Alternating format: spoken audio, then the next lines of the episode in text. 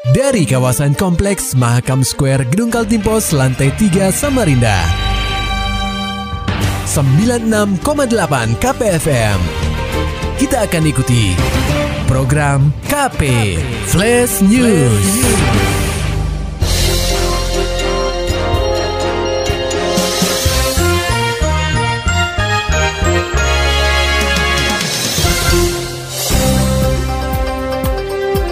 sedang menyimak program Cafe Flash News bersama saya Agung Pratama.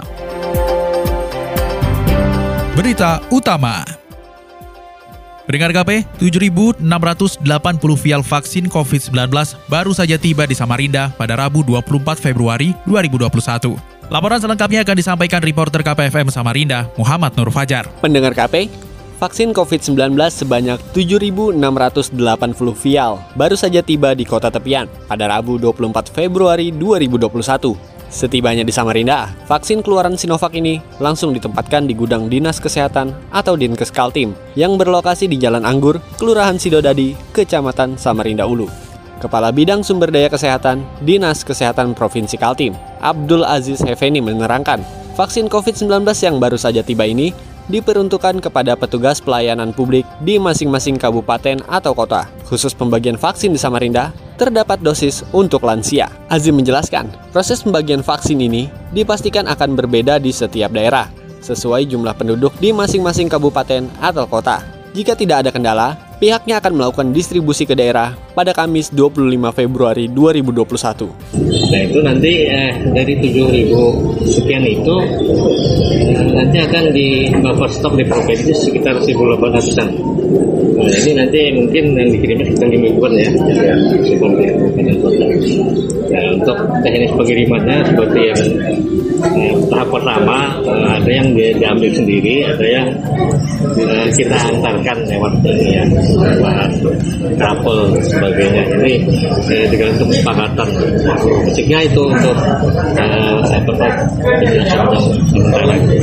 Sementara itu, Kepala Dinas Kesehatan atau Dinkes Samarinda, Ismet Kusasi menuturkan, pihaknya tengah melakukan pendataan terhadap lansia yang berhak menerima vaksin COVID-19. Jadi yang ke tahap kedua ini memang lansia dulu. Tahap 2 termin 1 itu Pak ya? Ya. Tapi sampai sekarang Yuknisnya juga belum ada gitu. Intinya kita disuruh pendataan dulu. Ya. Deadline-nya belum ada Pak ya? Untuk deadline? Oh, belum, belum. Makanya pendataan dulu. Nanti kita lihat berapa yang terdaftar. Baru nanti kita sampaikan ke provinsi ya. Lebih lanjut, Ismet menghimbau kepada masyarakat lansia agar segera mendaftarkan diri untuk menerima vaksin melalui laman samarinda.kemkes.go.id. KPFM Samarinda, Muhammad Nur Fajar melaporkan. Sementara itu pendengar KPFM kecelakaan lalu lintas di Jalan Es Parman, Kelurahan Sidodadi, Kecamatan Samarinda Ulu pada Selasa 23 Februari 2021 kemarin sekitar pukul 2.30 waktu Indonesia Tengah, menyisakan sebuah teka-teki. Kini petugas kepolisian tengah berusaha memecahkan insiden yang menewaskan satu orang pria itu. Berdasarkan informasi yang diterima KPFM, penumpang motor sport dengan nomor polisi KT 2626OY bernama Andika dilaporkan meninggal dunia setelah mendapat perawatan intensif di RSUD Abdul Wahab Syahrani. Kejanggalan terlihat pada jasad Andika. Terdapat luka menganga yang diduga merupakan bekas tusukan senjata tajam, tepat di bahu kiri bagian atas. Sayangnya pihak keluarga menolak untuk melakukan autopsi untuk menyelidiki kejanggalan ini. Dikonfirmasi saat melakukan olah TKP, Kanit Lakalantas Polresta Samarinda, Ibda Heni Merdikawati, mengatakan sebelum kecelakaan pengemudi motor sport bernama Nasrum yang membonceng Andika tengah melintas dari arah Jalan Dr. Sutomo menuju Jalan Es Parman. Uh, laka yang lihat awal lukanya di kaki atau gimana tuh? Di leher gimana? Luka di sebelah Leher ya? leher ya. Itu aja lukanya dilihat yang dari leher dari awal ya. Ada indikasi korban ini mabuk nggak bu? Mabuk atau apa? Karena dilihat dari rutenya memang Ya. katanya dari itu. Eh, malam. kalau dari pengakuan pengendara R2 mereka lagi baru melaksanakan ulang tahun acara pesta ulang tahun seperti itu. Kayaknya kayaknya baru baru minum minuman beralkohol seperti itu. Pak. Dikonfirmasi terpisah, Kasat Reskrim Polresta Samarinda Kompol Yuliansyah menerangkan pihaknya tengah melakukan penyelidikan dengan mencari saksi-saksi yang ada. Sejauh ini pihaknya baru memeriksa satu orang saksi, yaitu pengemudi motor bernama Nasrum. Yuliansyah mengungkapkan hasil visum menyatakan bahwa penyebab kematian Andika akibat benturan kepala saat terjatuh. Hal ini tampak dari kedua telinganya yang mengeluarkan darah. Meski begitu, pihak kepolisian belum mengetahui pasti penyebab luka terbuka dengan panjang 4 cm di pundak Andika. Hasil dari visum sementara ini visum ya bukan otopsi ya. Dokter Daniel menyampaikan bahwa luka yang ada di leher itu sepanjang 4 cm dan itu eh, kemungkinan luka sepanjang itu bukan hasil dari benda tajam. Nah, itu seperti ben- eh, benda yang akibat jatuh benturan tapi cukup keras sehingga ke dalam dan itu bukan penyebab kematian. Itu tidak kena ke arteri darah.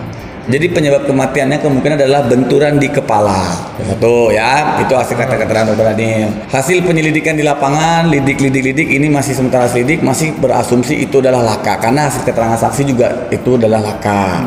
Berikutnya kami sudah ke keluarga korban, kami minta untuk otopsi supaya lebih pasti keluarga korban berkeberatan untuk diotopsi karena keluarga korban sudah menerima dan dibuatkan pernyataan keberatan. Karena keluarga korban menolak untuk melakukan autopsi, pihak kepolisian sendiri sedikit kesulitan untuk mengungkap kasus ini. Lebih lanjut, Yulian Syah beserta jajarannya saat ini terus melakukan penyelidikan dengan melakukan olah TKP serta pemeriksaan saksi. Kita beralih ke dunia olahraga pendengar KPFM tingkatkan kemampuan pelatih dan wasit. Di Spora Samarinda gelar pelatihan. Beritanya akan disampaikan reporter KPFM Samarinda, Maulani Alamin. Pendengar KP, guna meningkatkan sumber daya manusia atau SDM di sektor olahraga, Dinas Pemuda dan Olahraga atau Dispora Samarinda menghelat pelatihan pelatih dan wasit tingkat kota Samarinda.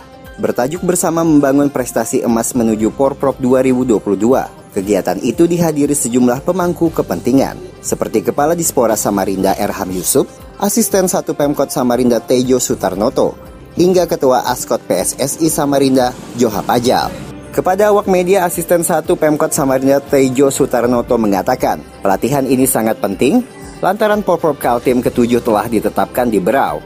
Sementara Kepala Dispora Samarinda Erham Yusuf menerangkan, pelatihan diharapkan dapat meningkatkan standar pelatih dan wasit yang ada di Samarinda. Dia juga menyebutkan Samarinda memiliki atlet berpotensi tampil di level nasional. Sehingga dengan adanya pelatihan ini, para pelatih dapat melakukan pembinaan dan merekrut bibit atlet. Pelatih ini kan otomatis kan akan berpengaruh terhadap kualitas pembinaan ya. Makanya kita adakan supaya nanti pembinaan olahraga ini menjadi lebih bagus ya lebih berstandar lah. Ya kemudian kita harapkan dengan adanya pelatih-pelatih yang sudah terlatih ini minimal nanti dia bisa uh, menjadi agen ya untuk mengajak anak-anak yang ada di lingkungannya dilatih ya dilatih gitu kan. Diinformasikan, jumlah peserta dalam pelatihan ini sebanyak 50 orang, terdiri dari tiga cabang olahraga, yakni tenis, taekwondo, dan sepak bola. KPFM Samarinda, Maulani Al-Abid melaporkan. Maulani Alamin, Muhammad Nur Fajar, KPFM Samarinda. Serta dapatkan berita-berita selengkapnya di www.968kpfm.co.id. Demikian tadi telah kita simak rangkaian berita-berita yang terangkum dalam program KP Flash News. Persembahan dari 96,8 KPFM. Terima kasih dan sampai jumpa.